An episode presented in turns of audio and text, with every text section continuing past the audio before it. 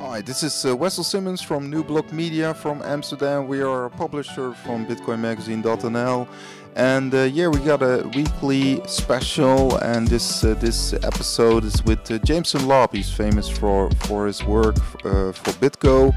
It's a custodial for uh, for uh, digital assets, and now he's he started at Casa, famous for their Lightning nodes. And yeah, we talk about various topics like privacy and cypherpunks, and obviously his his vision on on, on, on Bitcoin network and technology and and of course, we dive into the Lightning Network. What does it mean? I mean, are we going to pay with Bitcoin and, and, and, Satoshis? And, and how does he see the, the, the, the off chain uh, solutions evolve? And uh, yeah, hope you enjoy the talk and uh, see you around for next time. Uh, yeah, the professional cypherpunk title that I put on my website is a bit uh, tongue in cheek. It's kind of a joke, uh, really a result of a lot of journalists and other people uh, mm-hmm. describing me as a quote unquote self proclaimed cypherpunk. And I always thought that that was kind of funny because that is the only way that you can be a cypherpunk is to proclaim it. Um, it is not a title that is bestowed upon you because a cypherpunk is someone who advocates for the use of you know strong privacy enhancing technologies uh, generally as a means to enact like political and social change but it is a very um, you know self-motivated type of thing. You you have to put yourself out there as being a proponent of these technologies and ideas.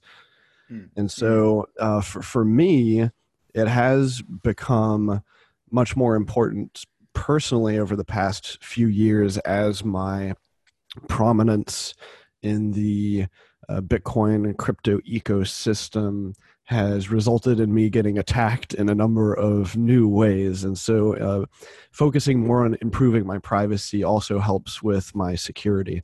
And I've I've spent a ton of time and resources on my own privacy, uh, mainly as a result of having a bunch of police show up to my house a few years ago, and I just want to avoid that. yeah, that, that's a, that's a, it's, yeah, that's a very sad story and uh, very yeah a, known story of course and a bizarre uh, bizarre story actually and uh, you also have your own blog i think eh? in in, in, uh, in security and privacy tips isn't it i mean Yes, I've I've been blogging pretty much ever since I got into this space, uh, just about whatever is currently interesting to me. So, uh, plenty of technical things, but also um, you know as i go down any new path where i'm educating myself like around all this privacy stuff i i want to you know share the results of what i've learned and what i've experienced. So when, whenever i do anything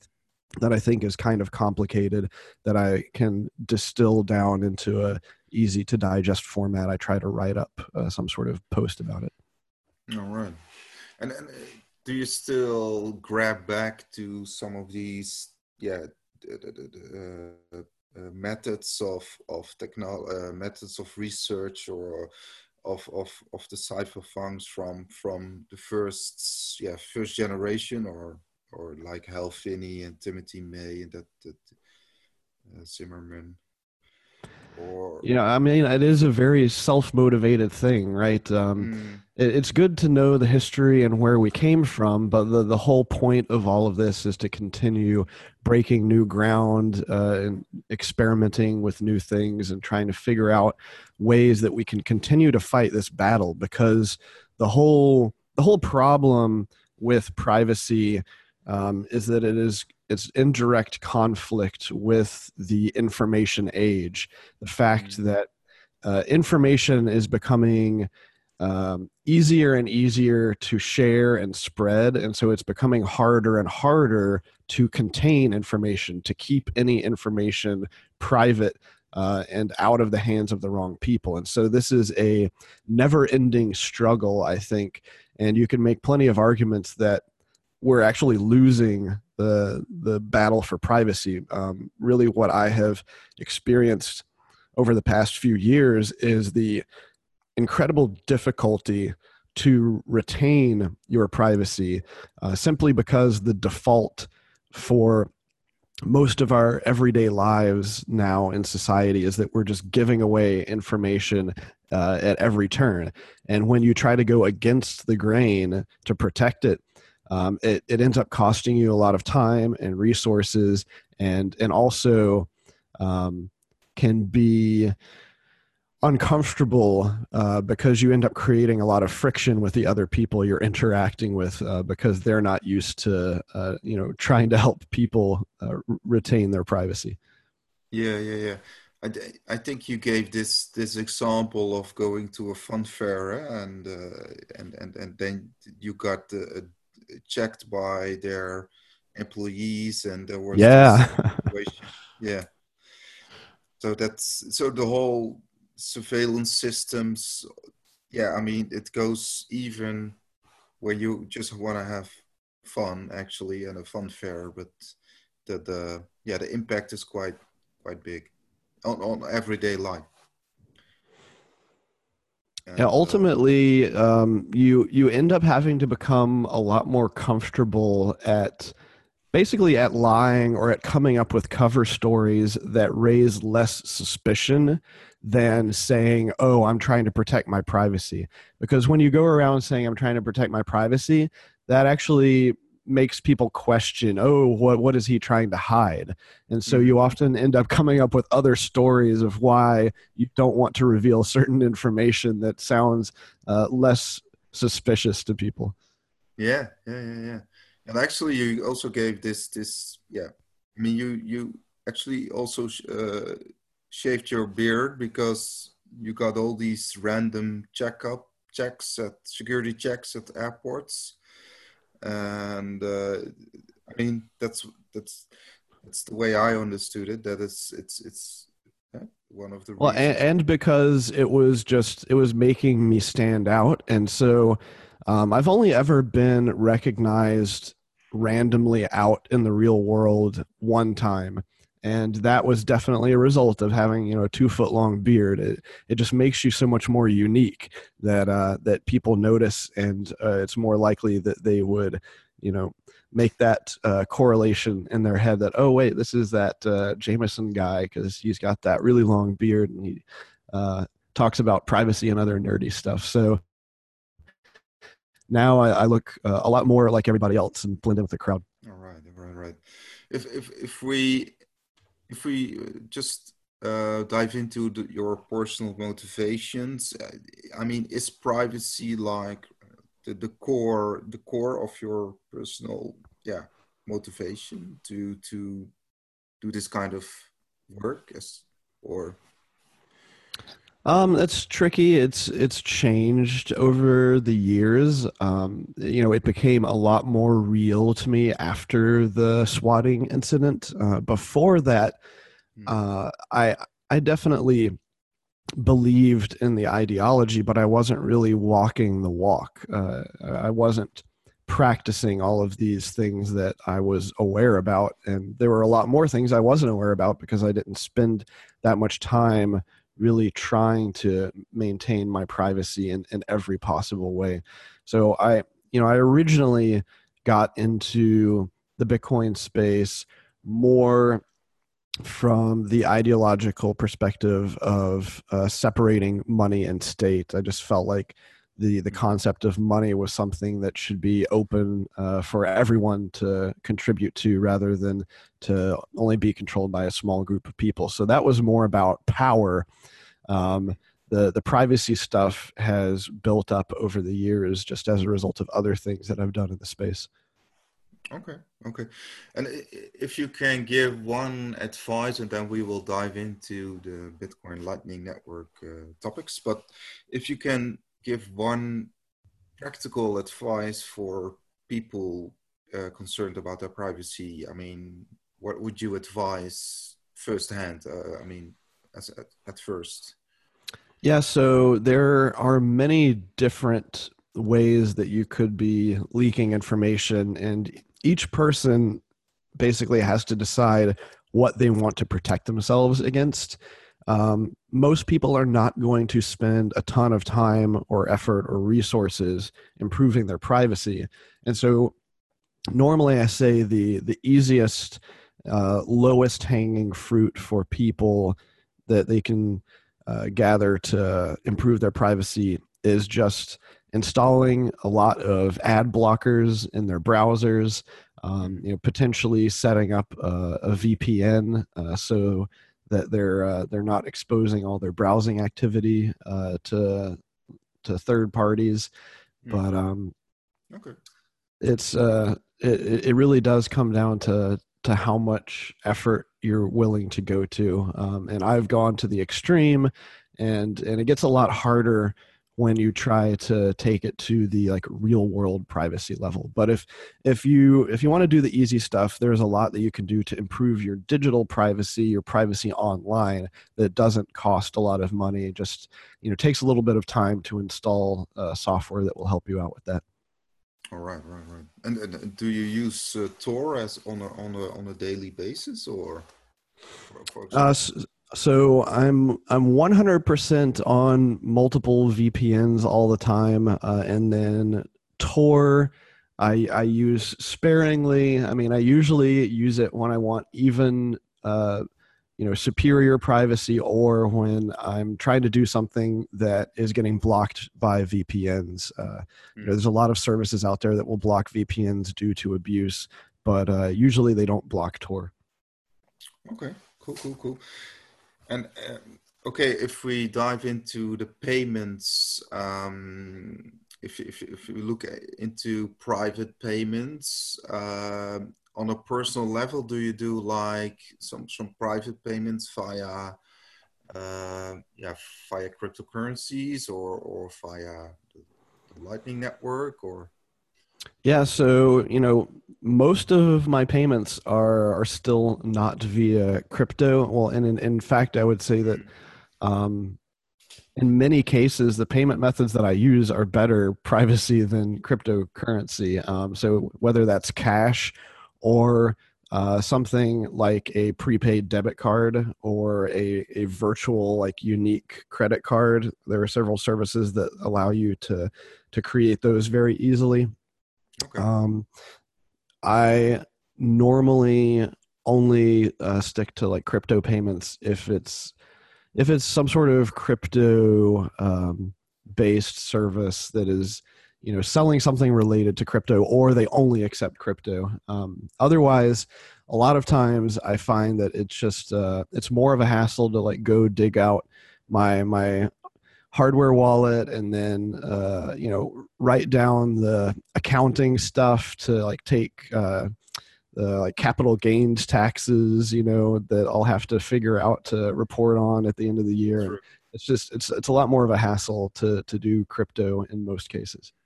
Yeah yeah yeah. It still is unfortunately. Um, so yeah, I mean, yeah, the, the, question is of course uh, the questions will also focus on Bitcoin, of course, and then we will dive into yeah, Lightning Network. You did a presentation in Berlin on the Lightning Network, but um, so first, yeah, I mean, Bitcoin is now 11 years old, a white paper, and um, but how do you uh, judge or how do you yeah what what were your expectations of, of Bitcoin and how do you see the current phase of Bitcoin? I mean, it's it's obviously a, a, a, a yeah a very broad uh, concept of uh, an ideology, a technology, an asset, and, and, means of payment, perhaps. So, um, yeah, how do you see the current phase that Bitcoin is in? Well, it's definitely surpassed I think most people's expectations in this time period. When when I first got interested in it I just thought it was an interesting experiment that in all likelihood would probably fail. And then over the years as we had multiple uh, adoption cycles and the technology continued to improve I you know, spent more and more time working on it and eventually went full time and have basically been fully immersed in it and trying to better understand it for for five or six years now and so i i still think that it is something that we're trying to fully understand the implications of and the possibilities for what we can do with it. You know, there are plenty of constraints in place that are make that make it difficult to change Bitcoin, and so you have to spend a lot of time understanding how you can navigate through this kind of maze of constraints and the difficulty in, uh, you know, um, obtaining consensus amongst a large distributed group of people, or in, in many cases, how do you avoid the need for having to obtain that consensus, and how do you make changes in a way that don't require going through that very difficult path? So, hmm. it is definitely come a long way, uh, but you know, from a technology and like usability standpoint, we still have a very long way to go, both for things like uh, scalability and security. And I mean, this is why I've spent the past five years now uh, focused on the very simple fact of helping people secure their private keys. I mm-hmm. think that there's still uh, a, a, fairly high bar for people to be their own bank and that there's there's a lot that we're going to need to do to make it easy enough for you know the average mainstream person to feel confident that they can control their own keys without having to worry about losing them to any number of different uh, uh, attackers or loss vectors and so hmm. while it's great to see all of these you know, cutting edge uh, improvements and technology changes, I still think there's there's plenty of work to be done at the very low level of just uh, private key management. All right, all right, right. Yeah, you, you, you talked about constraints. Uh, what do you see? Uh, what do you see as the biggest constraint uh, if we focus on on the yeah the decentralized governance aspect of of Bitcoin? I mean, it's uh, it's very frustrating for a lot of people because there hasn't ever really been a system like this before. People are used to more traditional, your hierarchical command and control type governance systems, and so that's kind of what we saw through all the the scaling debate drama was people trying to find ways to basically take a vote you know whether it's like do we do we let the miners vote on things? Do we let the developers vote on things? Do the nodes vote on things? And that's just not how bitcoin works. Um, there is no really efficient way to like take a vote to you know test the consensus of the the variety of diverse participants that are making up the system. And so ultimately you end up with uh, a rift between kind of the high time preference and the low time preference people. Um, the, some people will will believe oh we need to make these changes as soon as possible otherwise terrible things will happen. And then other people will say well if we start rushing and making changes then it's more likely that terrible things will happen. And that's kind of like the the crux of of the scaling debate. Um, it was also boiled down to a fundamental ideological difference between prioritizing uh, low cost of making a transaction versus uh, prioritizing the low cost of being able to fully validate the entire history of the blockchain. And mm-hmm. you know ultimately we saw that these were basically irreconcilable differences and that's what resulted in uh, the forking of bitcoin.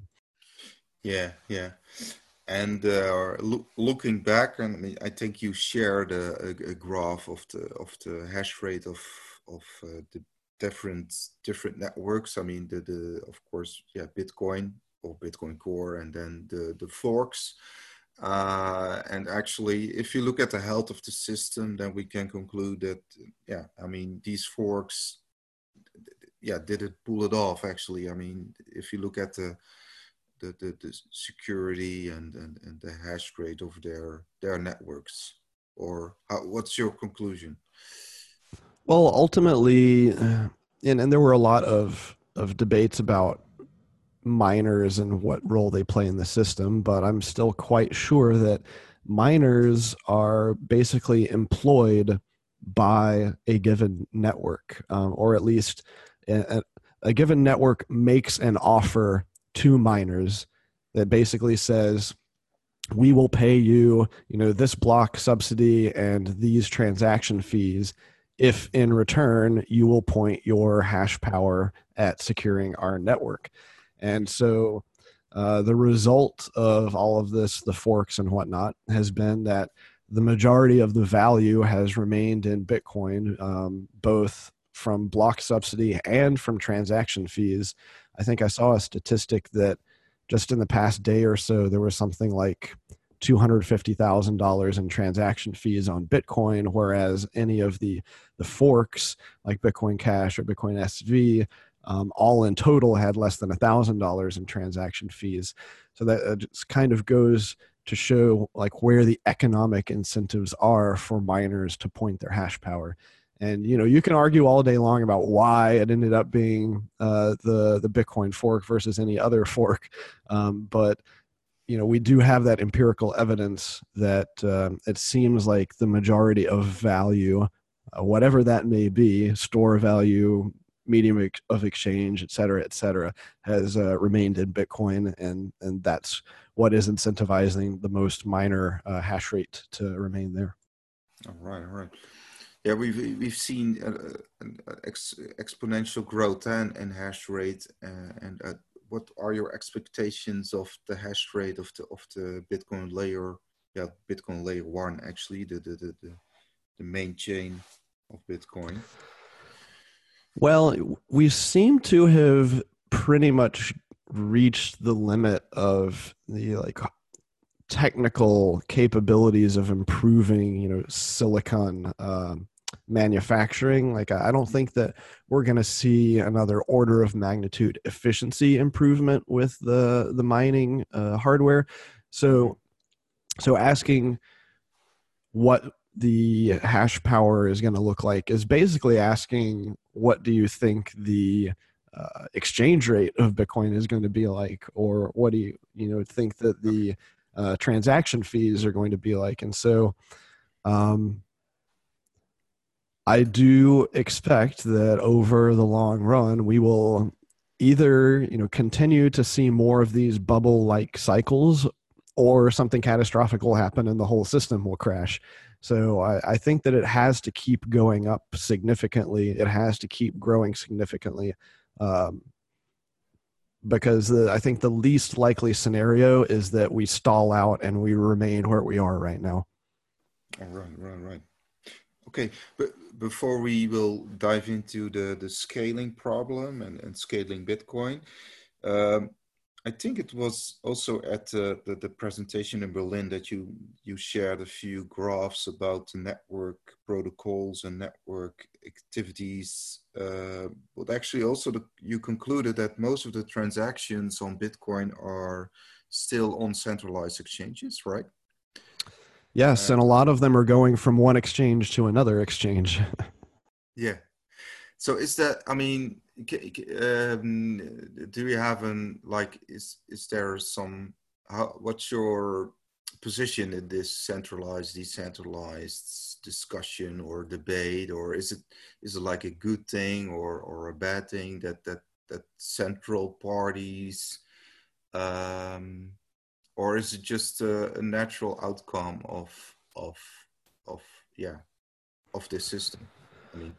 Yeah, I mean, I think that centralization is a sort of naturally occurring force, mainly because that's where you get the easiest value capture. You know, if you can become an intermediary, then you can capture a lot of value with economic transactions. And so, Mm. At, at the moment, these centralized exchanges are, I think, unquestionably capturing the largest amount of value in the system. Uh, uh, in fact, exchanges are probably one of the few you know, highly profitable enterprises uh, that you can have in the ecosystem right now. So there's a, there's a very large disincentive uh, for exchanges to i think decentralize themselves it, it's a lot of work to do that and still be able to capture a lot of value so um, I, I think it is kind of inevitable but that mm. you know we do have plenty of people that are working on options to to help decentralize that, but I, I kind of see it as an intermediary um, onboarding phase. We're going to need to have these like on ramps and off ramps mm-hmm. as long as Bitcoin is small and is not being used as a unit of account and does not have a true circular economy. And this is kind of what I talked about um, with the Lightning presentation is that I think we all understand that we want to get to a point where you can remain completely inside of the Bitcoin ecosystem and pay for everything in Bitcoin. But there's a lot of work that we're going to have to do to get to that point where where everyone both individuals and enterprises are all accepting you know sending and receiving bitcoin or lightning payments or whatever um, and until we get to that point it's going to be very important to have these uh, sort of fiat conversion options Mm-hmm. Could, could, you work at an exchange? I mean, there are some. Uh, I listened to this interview with uh, Pierre Rochard, for instance, and, and he started to work at, at Kraken. But could you work at a, at a at an exchange or? So, interestingly enough, I uh, for the first three years of my full time Bitcoin career, I worked behind the scenes and I was working at BitGo, which was pa- powering a lot of exchanges. So yeah. I've I've seen a fair amount of you know at least the Bitcoin side of what goes on behind the scenes there. Uh, I probably would not want to work at a regular exchange or really at any company that's doing AML KYC stuff just because of the privacy implications. Mm-hmm. All right, right, right. Actually, you made the transfer to to Casa. Uh, why why Casa? What, what's the uh, reason? I mean, they're they're obviously are a manufacturer of also equipment. I mean, the nodes and and software, of course, but also hardware. Well, originally uh, it, it, was it was a fairly small pivot um, because I basically went from doing uh, multi-sig security for enterprises at BitGo to doing multi-sig security for individuals at Casa. Um, you know, Casa has a whole suite of products now.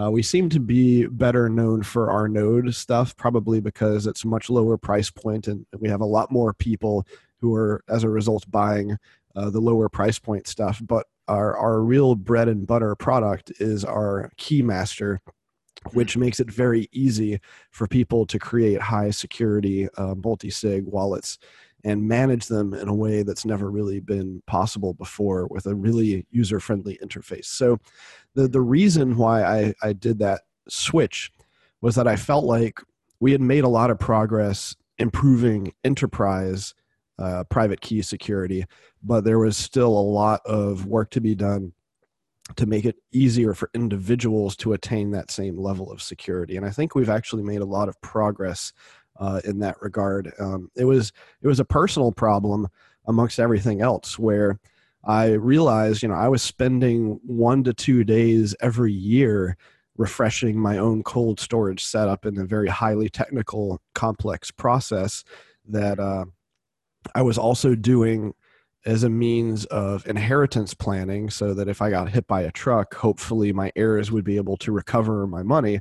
And it was a really, it was a, a frustrating thing because, you know, I had a fairly high degree of confidence that it would work if, if I died suddenly, but I wasn't 100% confident. And, and I knew that if I was having that problem, then I'm sure a lot of others were having it. And uh, we've, we've built a product now that I think is giving a lot of people um, peace of mind with uh, regard to the security of their funds and to, to, the the idea that if something terrible does happen to them, their heirs will be able to access them.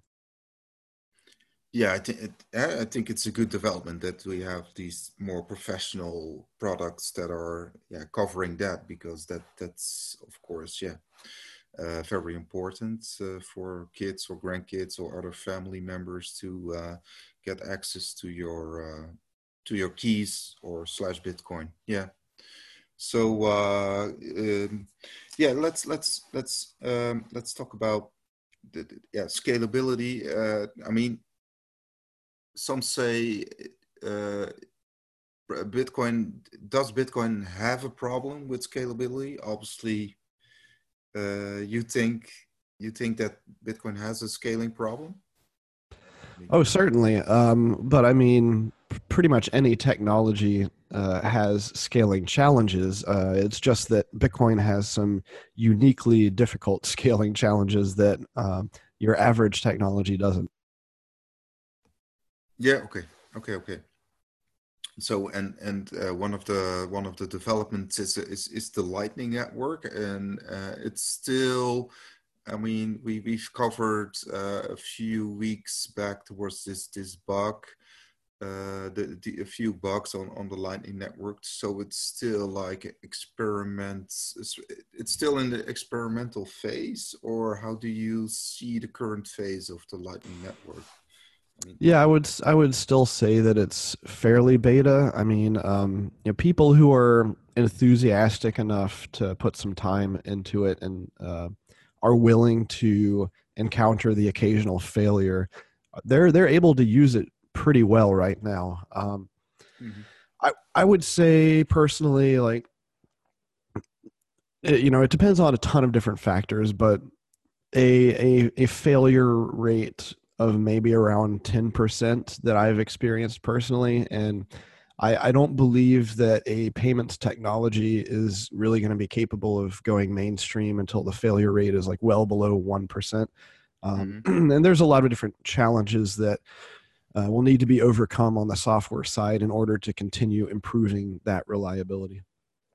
Right, right, right. And and, and I mean, one of the, uh, the, the users are also advised to don't have that large amount of Bitcoin or, or, or satoshis on, on on Lightning Network, right? I mean, it's still.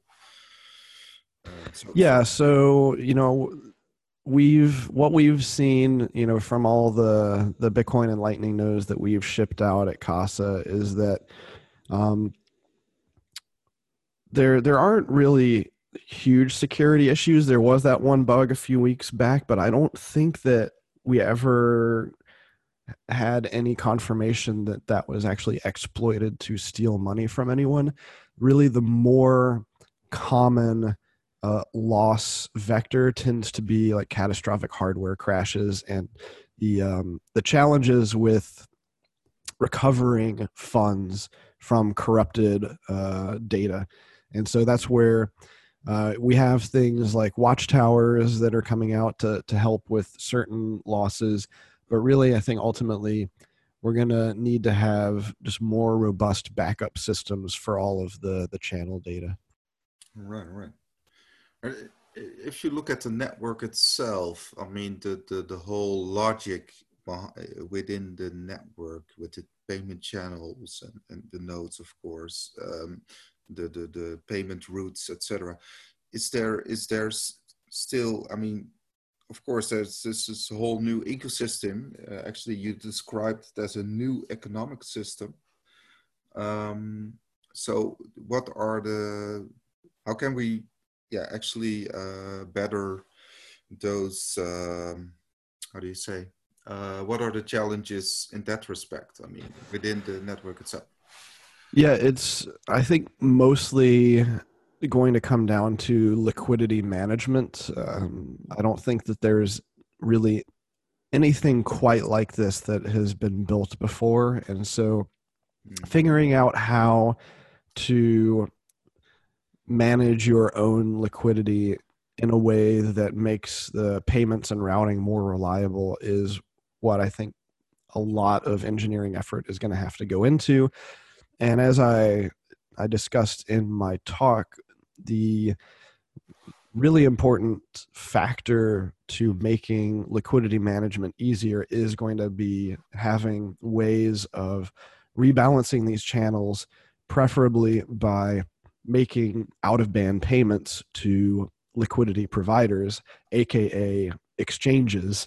Um, once we have more exchanges on the Lightning Network, then it would be possible for you to to set up a uh, basically a conversion of of fiat to lightning or vice versa so that you can continue to rebalance the uh, the money in your channels so that you don't have to close out the channels and you can just keep them open for um, potentially an indefinite period of time and continue using them for payments without having to fall back to on-chain transactions.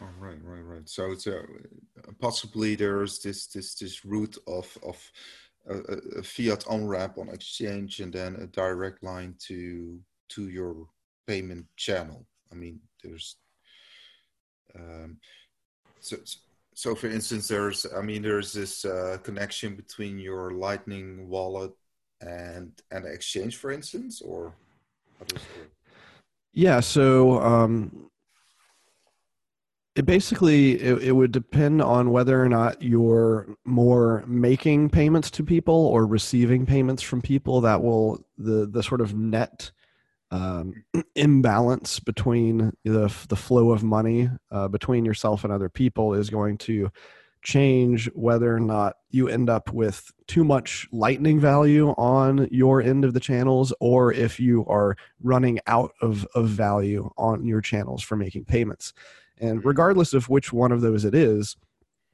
you would want to interact with an exchange to rebalance it. So if you had too much value on your end of the channels and it was making it difficult to receive more payments, then you would want to send uh, some of that value to the exchange, and then they could send you, uh, you know, fiat payment via a traditional network um, in exchange for that.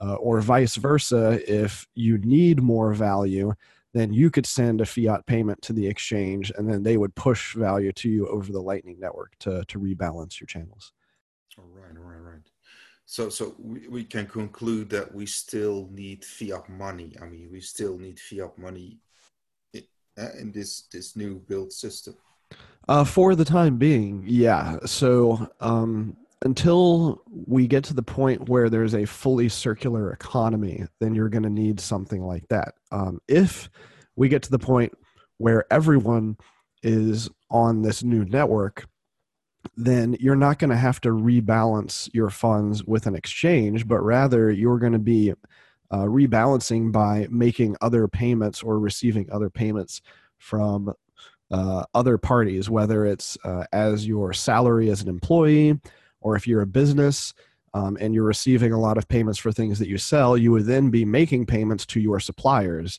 Um, you know, this is really the natural flow of money in any healthy economy. Is the money is always moving around between different people. It's not just all being collected in one place and sitting there.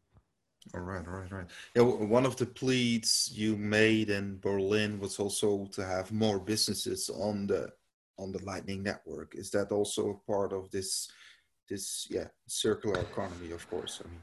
Yeah, mainly because the the vast majority of payments are not between individuals, but they are rather between uh, an individual and a business. You know, it's it's retail is where the vast majority of payments happen, and then of course a fair amount of payments of larger value but but lower total uh, volume are, are between businesses themselves. But it really the the whole point of that was that if only individuals are on the lightning network then there's not going to be a lot of opportunity to use it because not very much economic interaction happens just between two individuals mm-hmm.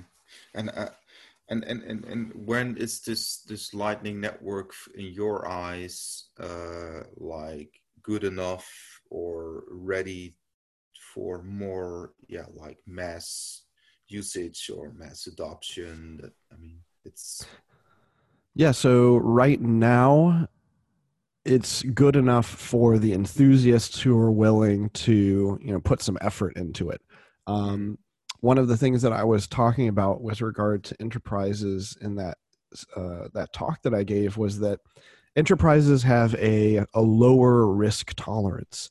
Um, they're generally dealing with much larger amounts of money, or in many cases, they may be dealing with money that technically doesn't belong to them, you know, like exchanges, for example. So, what we need if we want to get to that next level of enterprise adoption is a number of different things, mostly around re- reliability and robustness.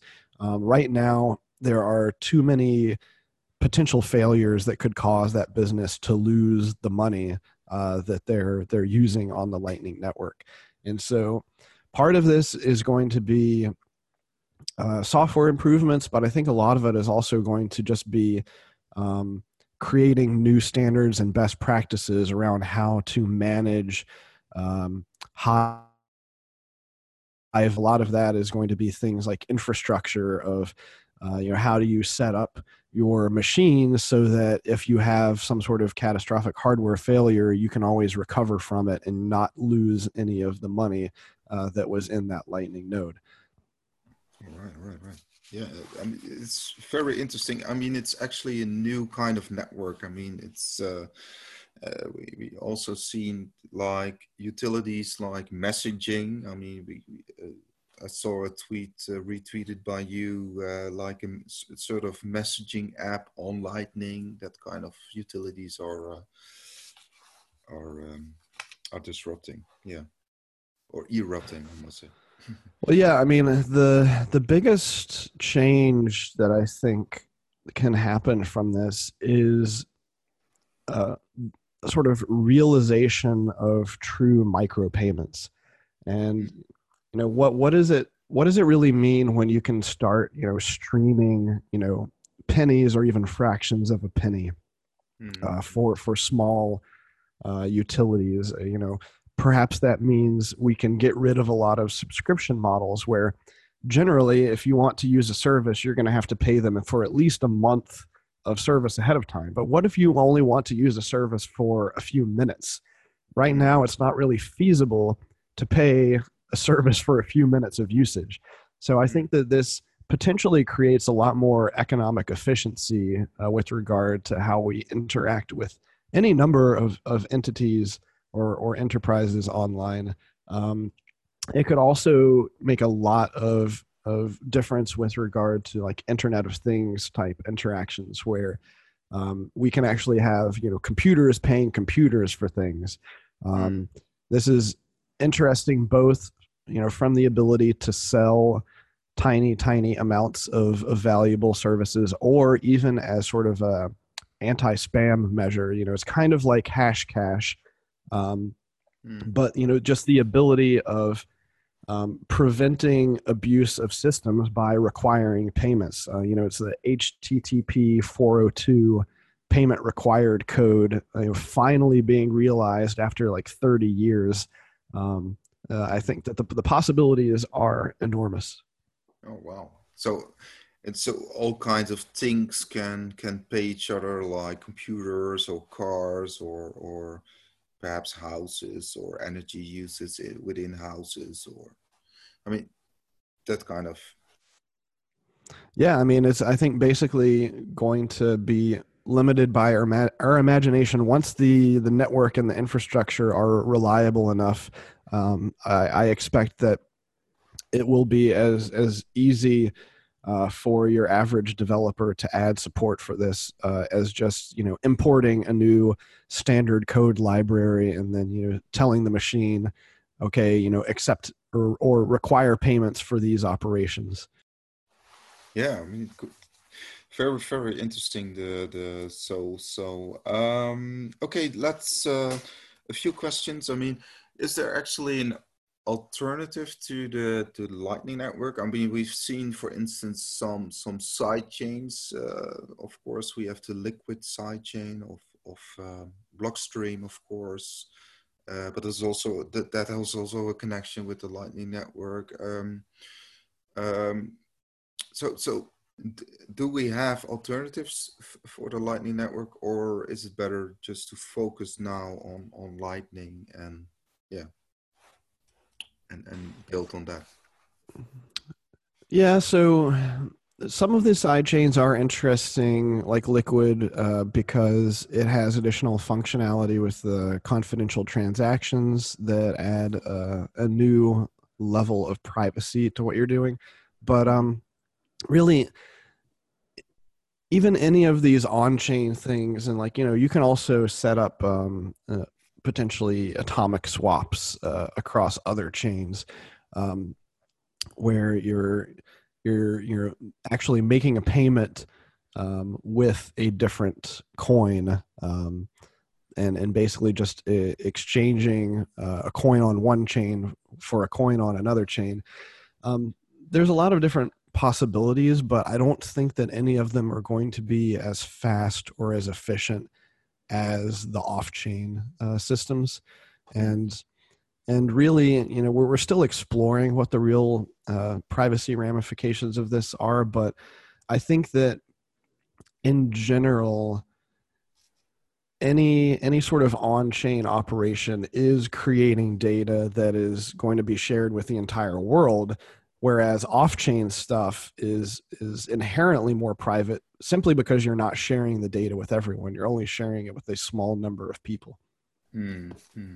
all right right right so that's a big plus i mean if uh, i mean if if you look into private concerning with privacy when we need private private transactions, for instance, then then then it's better, of course, to have an off-chain uh, possibility. Yeah.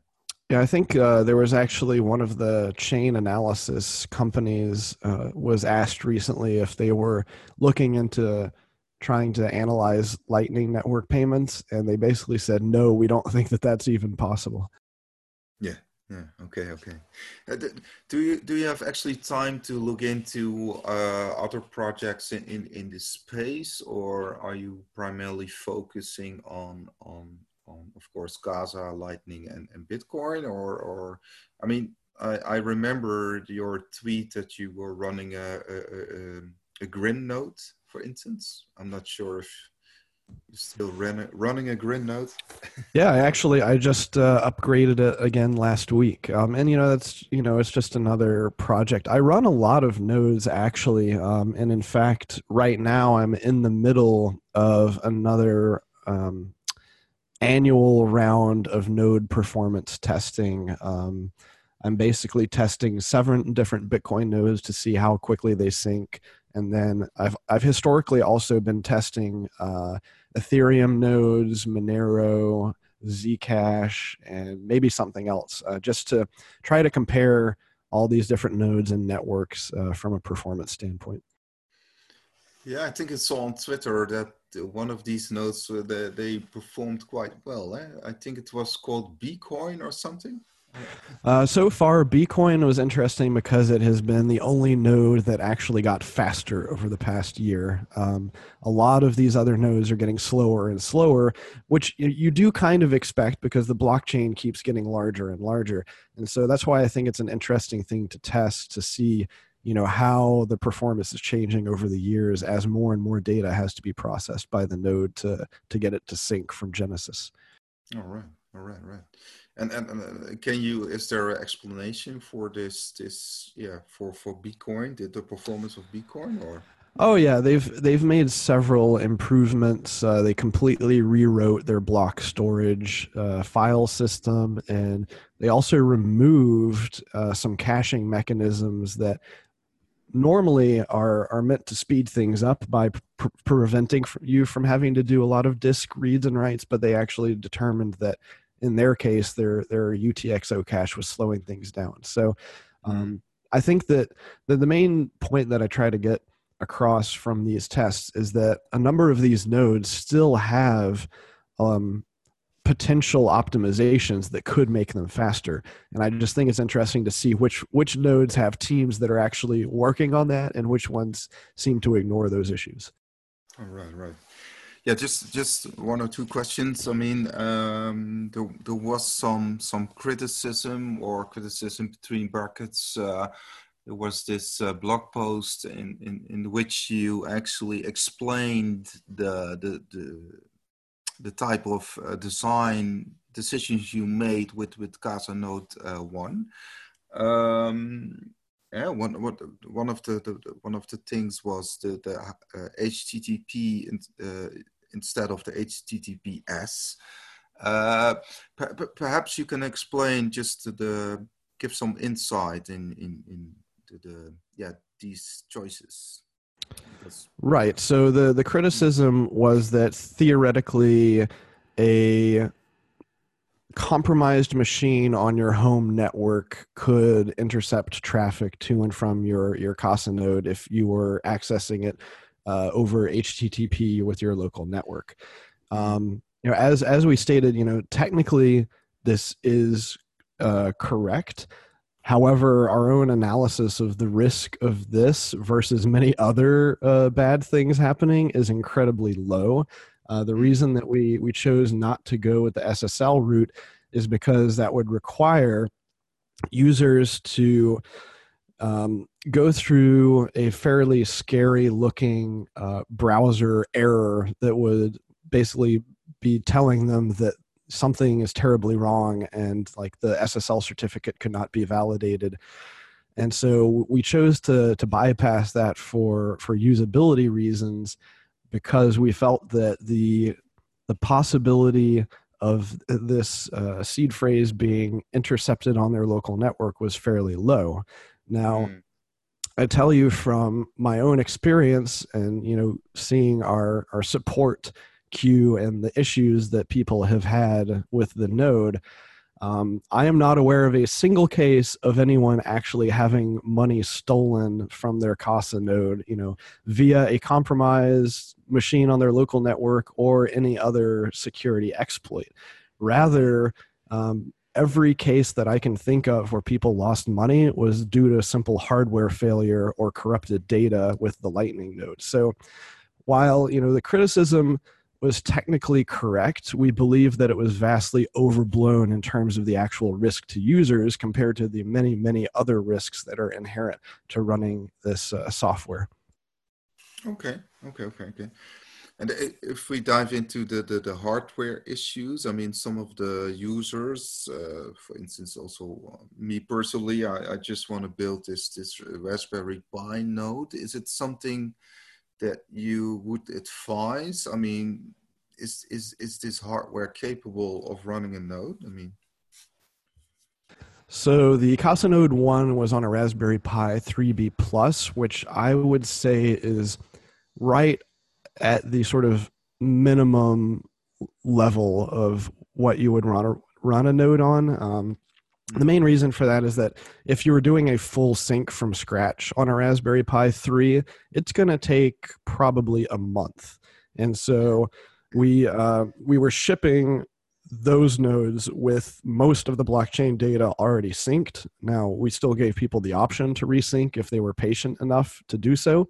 However, um, if you're going to build on a Raspberry Pi, I would highly recommend using the Raspberry Pi 4, which came out recently, and that's the platform we're using for the Casa Node 2. With that hardware, you can sync in a little over one day.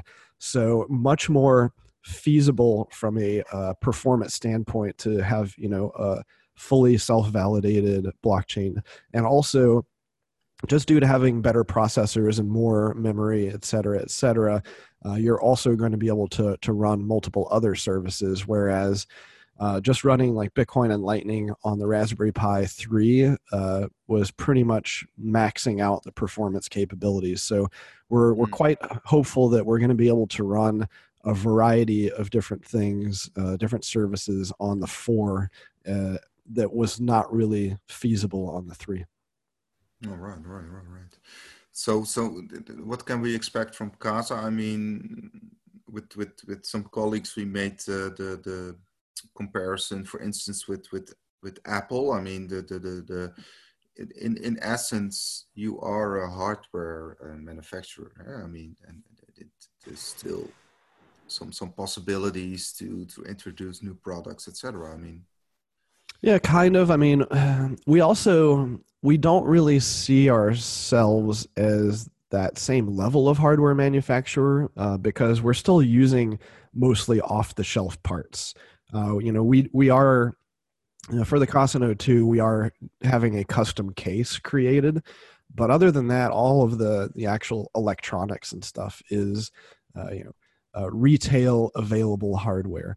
Now, you know, perhaps someday we will get to the point where we actually, you know, create custom boards and, you know, try to get even uh, you know better performance and efficiency than you can with one of these uh, retail boards. But um, at the moment, we still mainly see ourselves as a software company.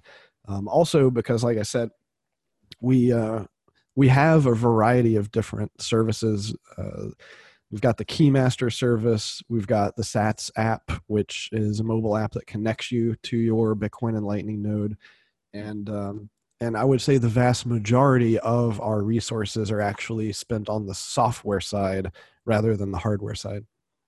All right, all right, right. Okay.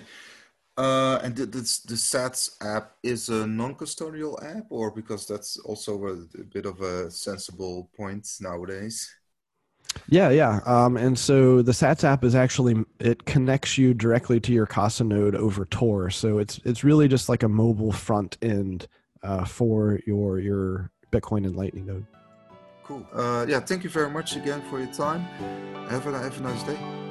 Thanks for having me. Talk to you later.